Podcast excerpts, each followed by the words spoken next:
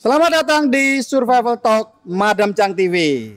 Kali ini spesial buat Valentine. Kita kedatangan seorang ibu yang sangat luar biasa, sangat super junius menurut kelas saya karena wih sekolahnya ini kerimen. Kita akan kulik ya karena edisi Valentine tidak jauh-jauh dari percintaannya beliau. Langsung saja tamu yang sungguh luar biasa. Halo, apa kabar Ibu? Apa kabar Bapak Selamat Cang? datang di Terima Survival kasih. Talk Madam Chang TV. Salam bertahan hidup. Oh, salam. Karena hari-hari sekarang ini banyak orang yang tidak cukup lagi untuk bisa bertahan hidup ya. Betul. Ya.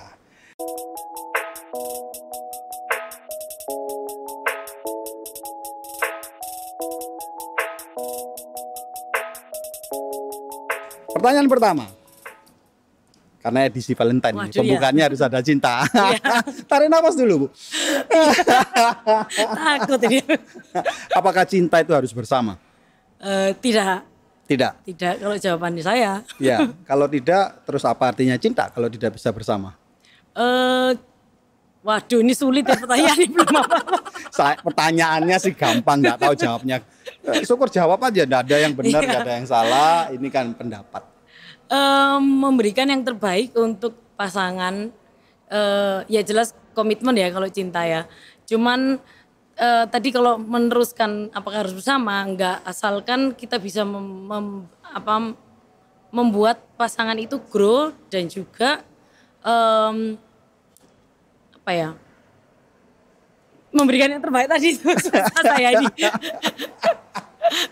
Tenang. Sulit jawabnya masih 15 detik. masih deg-degan 15 detik pertama nervous. iya masih Nanti tambah ke sini tambah ndredeg. Pertanyaannya, apakah ini eh, tidak bisa bersama-sama dengan suami atau dengan your husband ini apa karena pandemi atau memang karena kondisi yang memang tidak memungkinkan untuk sementara ini bisa bersama? Eh, sebenarnya sih sudah empat tahun jalan empat tahun jadi sebelum pandemi Oke. sudah kita long distance relationship Eh, karena ya benar tadi karena keadaan dan juga karena cita-cita masing-masing eh, di tengah jalan ternyata berbeda gitu tapi karena keadaan sih yang pertama jadi memang dihadapkan Jadi karena keadaan. keadaan artinya Bu Yuanita tidak bisa ke sana, yang sana Betul. tidak bisa ke sini gitu. Iya betul Kalau boleh tahu husbandnya tinggal di mana? sekarang sih di Budapest oh tapi Budapest. Budapest itu kampung halamannya Wah, kampung halaman itu kan sangat romantic place. iya betul Dia tinggal di daerah Buddha atau Pesnya? di Buddha Oh, saya suka banget loh itu. iya bagus bagus Saya ini pada waktu mau ke sana ya tahun lah tahun enggak sih sekarang sudah 2021 loh ya. Tahun 2019 pada waktu saya ke Budapest, saya wanti-wanti Mama Chang untuk booking hotel persis di depan Lionsgate. wah Dan satu hari saya bisa riwa-riwi di Lionsgate itu 10 kali. bagus sekali sih Bagus banget ya. bagus banget bagus banget Lucu, yang sana Buddha, yang sini Pes gitu ya. Betul. Eh, ngomong-ngomong ketemunya di mana? ketemunya di Manchester Tuh, jauh di Emang- UK Emang asli mana? Manchester juga. saya aslinya London oh enggak Oh jauh-jauh sini juga ada Persebaya loh ngapain di sana MU. Saya bonek.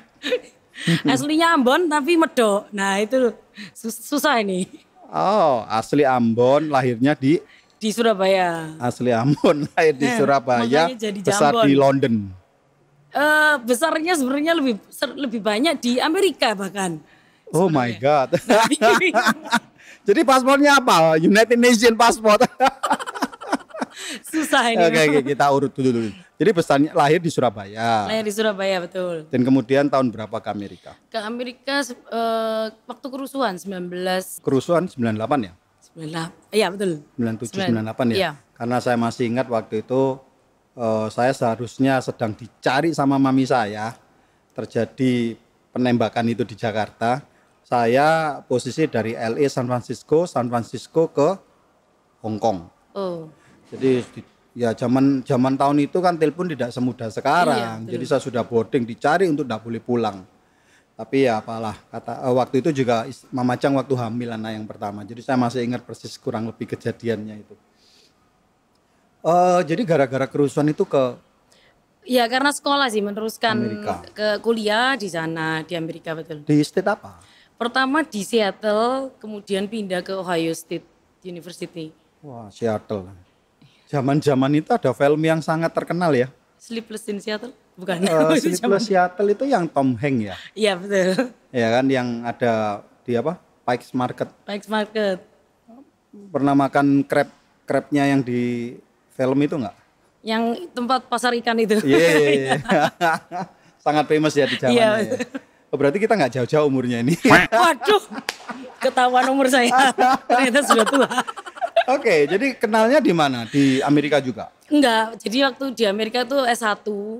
Jadi lima tahun di sana karena ambil sempat jurusannya pindah. Oh, kenalnya di Lond Manchester itu ya. Kemudian S2-nya baru di S2-nya. Manchester. Ya betul.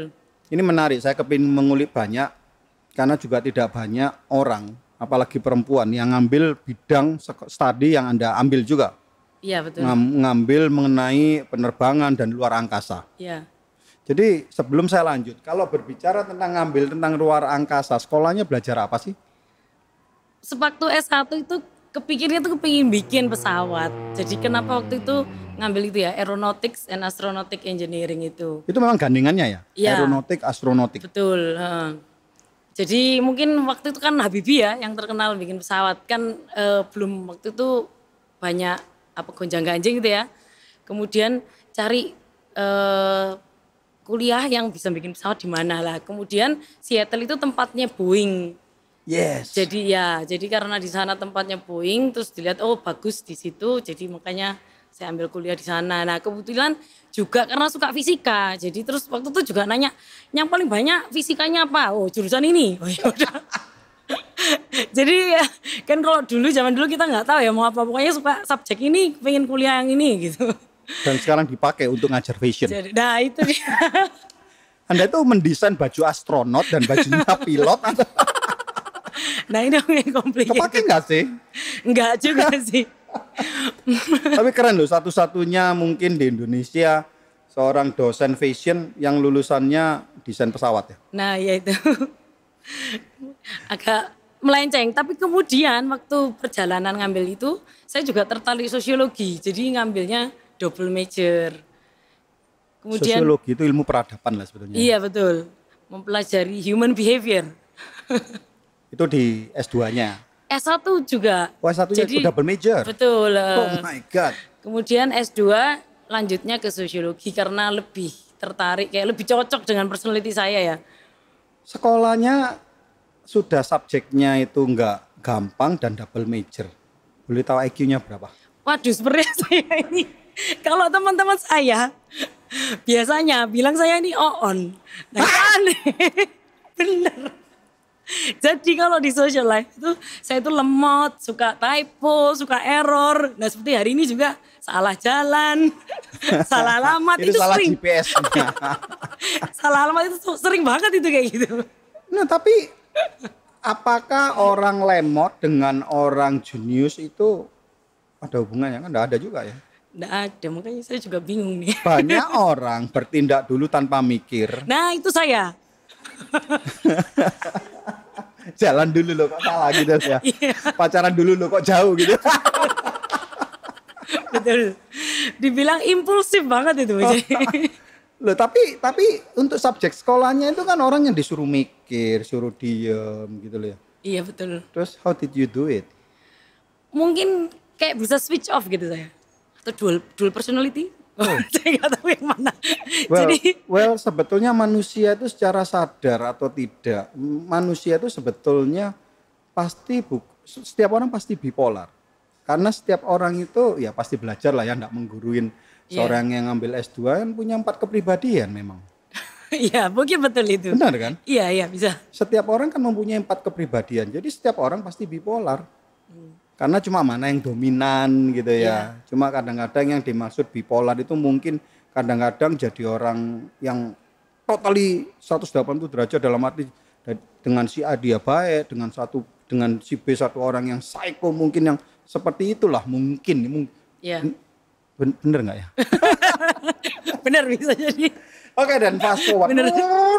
Terus S2 di Manchester. di Manchester betul. Terus ketemu suami di sana. Jadi Satu sebenarnya kuliah. enggak ke- eh, pada waktu itu dia sudah kerja. Jadi saya yang kuliah. Kemudian eh, ya ber- berteman dulu, kemudian akhirnya Tinggal di mana? Manchesternya? Di Manchesternya betul. Suka lihat bola sama-sama. Oh suka sekali. Nah itu juga karena sama-sama ketemu sepak- di situ. Iya karena sama-sama gila bola. Jadi juga langsung klop gitu. Tapi kalau bicara tentang bola ya, mana sih lebih gila hooligan-hooligan dari England atau sama bonek? Waduh tetap bonek. Bonek lebih gila ya. Lebih gila bonek. Ya namanya orang fanatik gitu. ya. Iya. Cinta mati ya. Betul. Tapi pernah enggak waktu di London itu lihat sepak bola terus ada keributan? Eh, kalau belum rasanya MU itu menang kalah juga ribut. ribut. Sama perasaan Betul, saya kenal betul. dulu ada ada grup sepak bola juga gitu ya di Iya. Surabaya. Tapi sekarang sudah lebih bagus, maka itu saya juga seneng. Saya pun juga bonek, saya suka bonek gitu. Bonek. Seneng juga ya. Seneng juga. Lihat di TV dengan lihat di lapangan beda ya. Oh beda sekali betul. Bisa merinding ya. Iya ambience-nya waduh. Isakur itu ribuan orang ya. iya betul. Oke, jadi ketemunya di mana? Ketemunya Nah, ini ini gini. Dulu itu saya ketua per, ketua Permias. Permias betul. Kalau kalau di US namanya Permias ya. Kalau Kemudian di London apa? kalau di sana PPI. Oh, PPI. Ya namanya PPI. Nah karena waktu itu ketua PPI, kemudian dia itu ternyata ex-nya orang Indonesia. Kemudian dia cari eh, Indonesian community, soalnya kangen Indonesian food. Untuk menggantikan yang lama. Kelihatannya gitu, kelihatannya gitu ya. Maka lo latih ya, kan Cari ada jodoh. disclaimer dulu apa yang boleh. Oh, enggak ada ya. Udah berarti saya bebas. Nah ya itu mungkin bener cari yang pengganti. Ini nanti minta Felicia dikasih teks biar eh siapa sih husband namanya? Eh, Sabolj. Hah? Susah ya, Sabolj. Mungkin saya juga salah pronunciation-nya. Kalau saya dipanggil orang si Bolt. Hampir hampir sama. bener. Sabol Sibol. Sibol. Ada keluarga. Jangan-jangan dia dari Batak deh. Sabolga. Sabolga. Hai Sabol. How are you? Jadi terus dikenalkan gitu. Dia Enggak, jadi karena di- dia kontak kan eh, kontak saya yang ada di situ. Kontak karena aku ketuanya waktu itu. Jadi kontaknya otomatis langsung ke aku. Gitu. Kemudian eh, nanya apa ada kayak Indonesian Gathering. Nah, ketemu waktu di sana. Nah, baru siapa yang bling-bling dulu? bling-bling. Nah, sebenarnya aku tuh enggak suka orang bule. Nah, ini aneh ini. Waduh. Jadi kalau kadang kalau orang sekolah sana kan oh seneng bule. Dulu aku enggak sama sekali ya seneng. Waktu habis S2 malah pingin langsung balik Indonesia. Terus kemudian apa yang membuat jadi suka? Mungkin persisten. Oh persisten. Tapi Persisten. tapi hati-hati loh ya, subscriber juga ya. Banyak orang menikah dengan orang yang dia tidak sukain, Nah, termasuk Mama Cang. oh gitu. Kualat dia. tapi ya kita berarti bisa ada kesamaan ya. Kamu dapat sabol, Mama Cang dapat sibol. Sibol. Mirip lah 11 12. Oh oke, jadi dia yang ngejar. Iya, betul.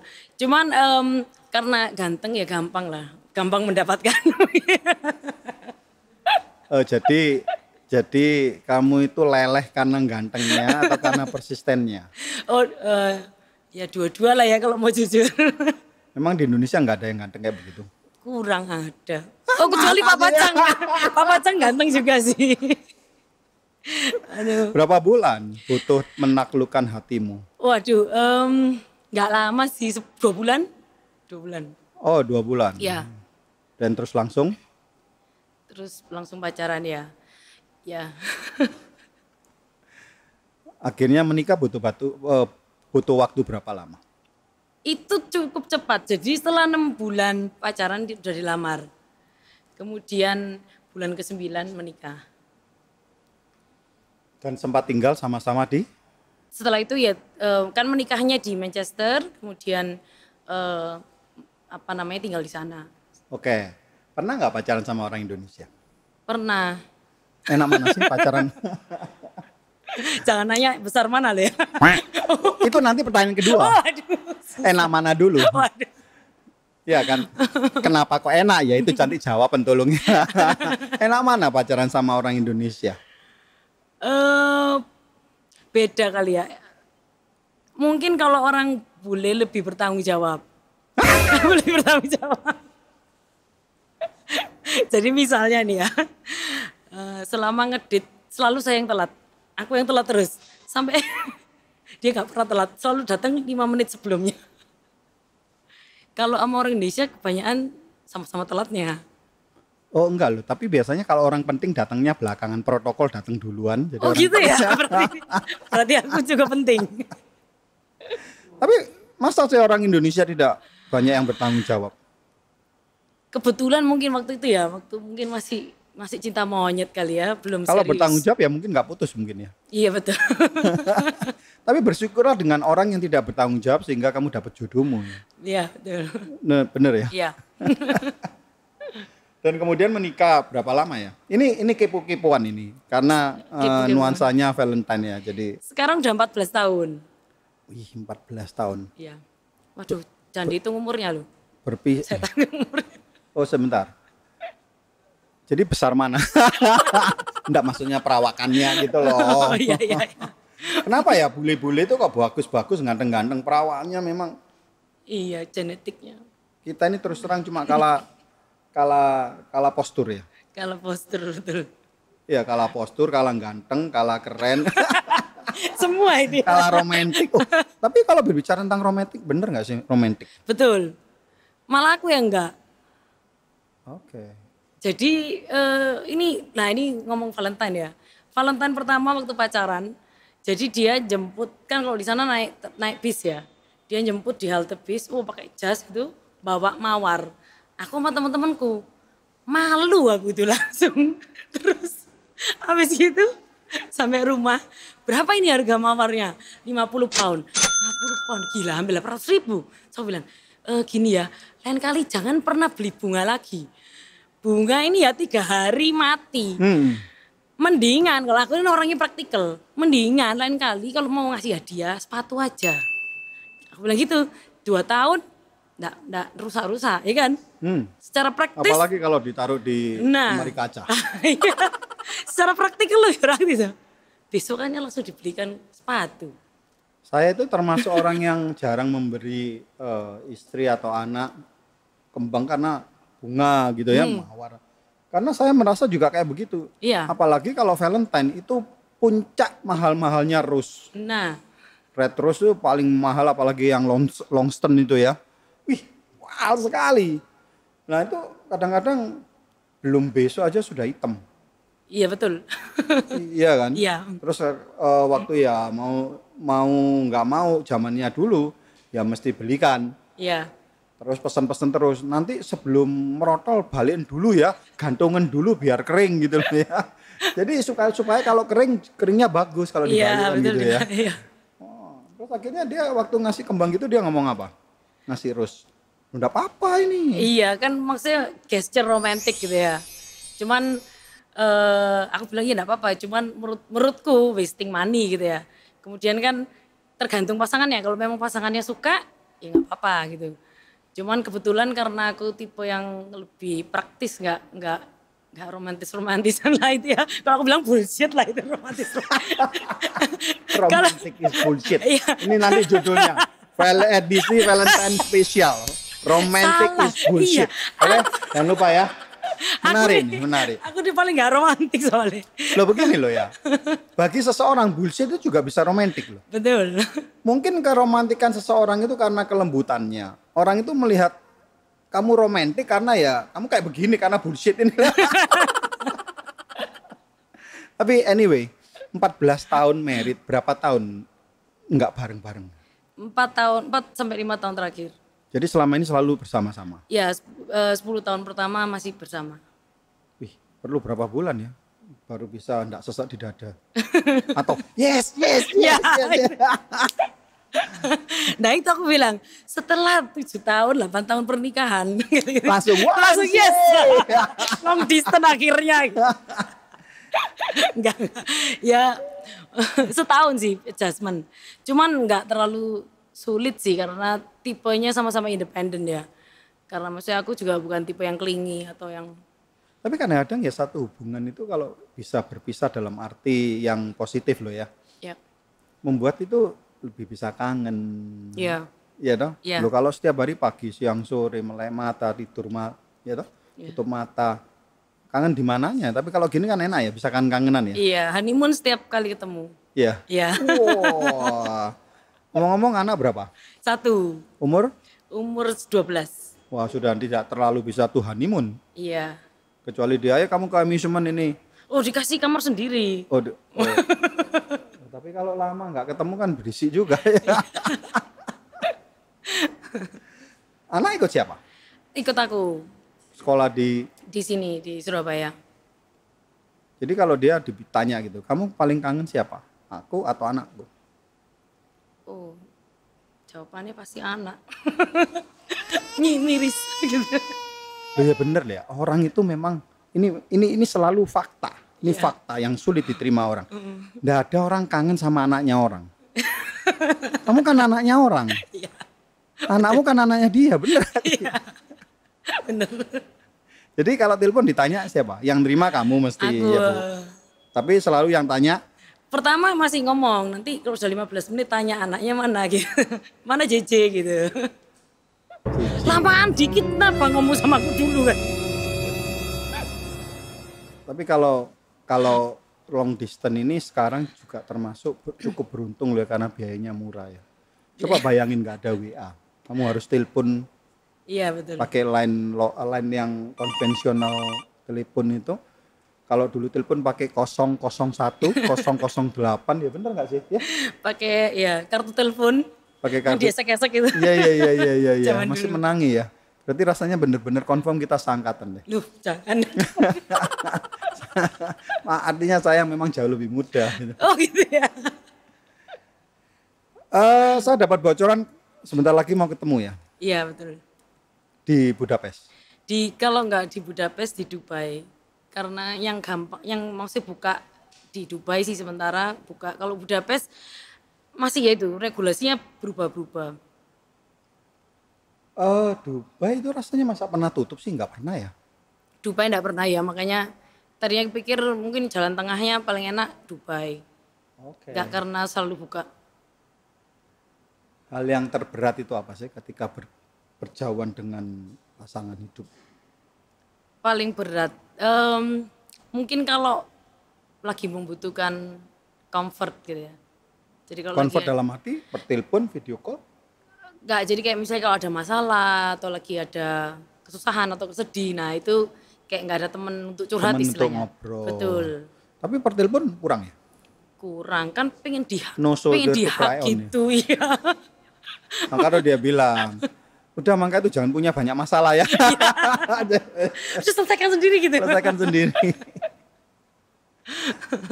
Tapi yang paling menyenangkan apa ketika jauh dari pasangan? Bertemu pasti.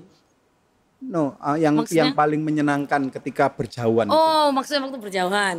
Nah, ini banyak sebenarnya, banyak. Waduh, banyak yang menyenangkan. Bentar, bentar. Banyak enaknya atau banyak enggak enaknya? eh nah, ini tipe tipeku tuh selalu ngeliat hal dari positifnya. Jadi aku ngeliat eh, banyak keuntungannya juga sebenarnya. Jadi Banyak salah- keuntungan. Ha, cheers dulu. Cheers. Jadi jomblo, jangan terlalu kayak orang paling menderita di dunia gitu loh ya. Cheers Iya, dulu betul. ya. Coba boleh, tiga di antaranya itu apa yang paling menyenangkan ketika berjauhan dari pasangan? Nah, ini salah satunya. Kalau banyak lima enggak apa-apa. Oh, enggak apa-apa ya. Tiga cukup lah ya. Sebenarnya se- sebenarnya salah satunya ini juga alasan kenapa kita decide untuk long distance. Jadi karena kita mau pursue karir masing-masing ya. Eh, karena dulu kan aku selalu ikutin dia gitu. Padahal aku tuh terbeban, ya pertama cita-cita dulu pengen jadi dosen tuh memang dari dulu cita-cita makanya ngambil S2. Kemudian juga kebeban untuk do something untuk Indonesia gitu kan. Jadi karena long akhirnya kita mutusin long distance ini karena kita pengen karena dia ngeliat aku nggak bisa eh, achieve atau pursue all my goal karena ngikutin dia ke mana-mana gitu kan. Jadi akhirnya yaitu salah satunya long distance. Kemudian sejak kita long distance karirnya itu uh, both side itu menanjaknya cepat gitu. Iya. Jadi uh, ya itu jadi dosen kemudian bikin uh, clothing line bikin bisnis konveksi bikin uh, restoran itu all in four years selama distance jadi kayak ten years sebelumnya ini kayak apa ya namanya ya cuman kayak kerja biasa gitu ya istilahnya. Tapi begitu waktu karena mungkin banyak tenaganya karena mungkin babynya jadi satu ya anak jadi satu. Kan kalau, ada suami kan anaknya dua gitu ya. Yang diurusi kan les gitu ya. Jadi memang berat tugas nah, seorang istri ya. Nah, iya. pagi nyusui anak malam betul, nyusui suami. gak bisa kerja gak bisa mikir ya. Jadi mungkin kayak pikirannya kreativitasnya itu banyak gitu yang bisa dilakukan gitu. Jadi itu pertama. Jadi uh, ya sejak long distance itu sih. Kemudian mungkin kebebasan ya kedua karena tipe kita bertolak belakang. Aku tipe ekstrovert dia introvert gitu. Jadi kalau dulu aku yang party kalau weekend selalu pergi sampai malam dia yang di rumah. E, nonton bola di rumah atau nonton TV gitu. Jadi tapi nggak apa-apa kalau orang bule kan nggak masalah ya. Mungkin kalau orang ngasih jadi kalau lihat bola itu yang teriak-teriak kamu ya? Oh iya betul. Oh sampai diantemi semua Pokoknya jangan sebelah saya, sebelah kanan pokoknya nonton bola. Memar ini pasti. Ini apa sih? Ini aduh. Gitu. lanjut, iya. lanjut. Tapi karena orang bule kan bisa tidak masalah gitu kalau yang ceweknya misalnya sering keluar atau apa kalau kalau Asia beda ya. Cuman kan lama-lama sungkan ya. Masa saya terus keluyuran dia di rumah sendiri gitu. Loh, itu bagus loh. Uh. Kalau dua-dua keluyuran kan tambah boros. Iya betul sih. separuh aja. Kamu semakin sering keluar, saya semakin sering di rumah. Balance-nya biar oke. Okay. Benar, balance-nya oke. Okay. Cuman kan lama-lama tahu diri ya. Jadi maksudnya aku meskipun nggak dilarang, tapi aku sendiri mengurangi dulu. Ngerti lah ya. Uh, uh. Cuman begitu long distance, wah bebas lagi nggak ada yang disungkani di rumah kan gitu jadi itu jadi maksudnya aku merasa aku bisa jadi diri sendiri lagi gitu. Kalau yang dulu kan mungkin ya harus lebih tepo seliro lah istilahnya ya, harus bisa ya jadi itu. Kemudian yang ketiga traveling, sama. Jadi suamiku tuh sebenarnya nggak terlalu suka traveling, sedangkan hmm. aku yang gila traveling. Nah sekarang e, karena long distance pertama kan tiap tiga bulan harus traveling. Nah setelah e, jadi tiap tiga bulan traveling untuk ketemu suami kemudian ada traveling kerjaan. Kadang tuh ada traveling sama temen. Jadi kayaknya sering banget traveling. Setahun itu bisa sampai enam kali traveling. Oh dulu waktu belum pandemi itu setiap tiga bulan sekali ketemu ya? Iya betul.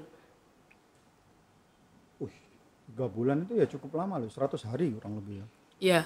Kadang-kadang bisa dua bulan tergantung. Jadi kadang kadang-kadang ada gantian gitu. Misalnya dia yang datang gitu. Cuman kalau akunya sendiri ke sananya tiga bulan sekali. Siapa yang sering ke mana Aku. Lebih Karena sering. kerjanya mungkin lebih fleksibel ya. Betul ya. Kalau anak sendiri gimana ya? Uh, kita biasanya cari cari waktu yang pas libur kan ada mid semester ada semester atau misalnya libur pasca libur Natal. Ini mengenai uh, psikologi anak ini oh, pada psikologi. waktu bersama-sama sama sekarang ini ada perubahan nggak ya? Uh, nggak ada sih sementara. Cici ini laki atau perempuan? Perempuan. Eh, gimana? Refleks lo. Lagi-lagi. Cici itu cowok atau cewek?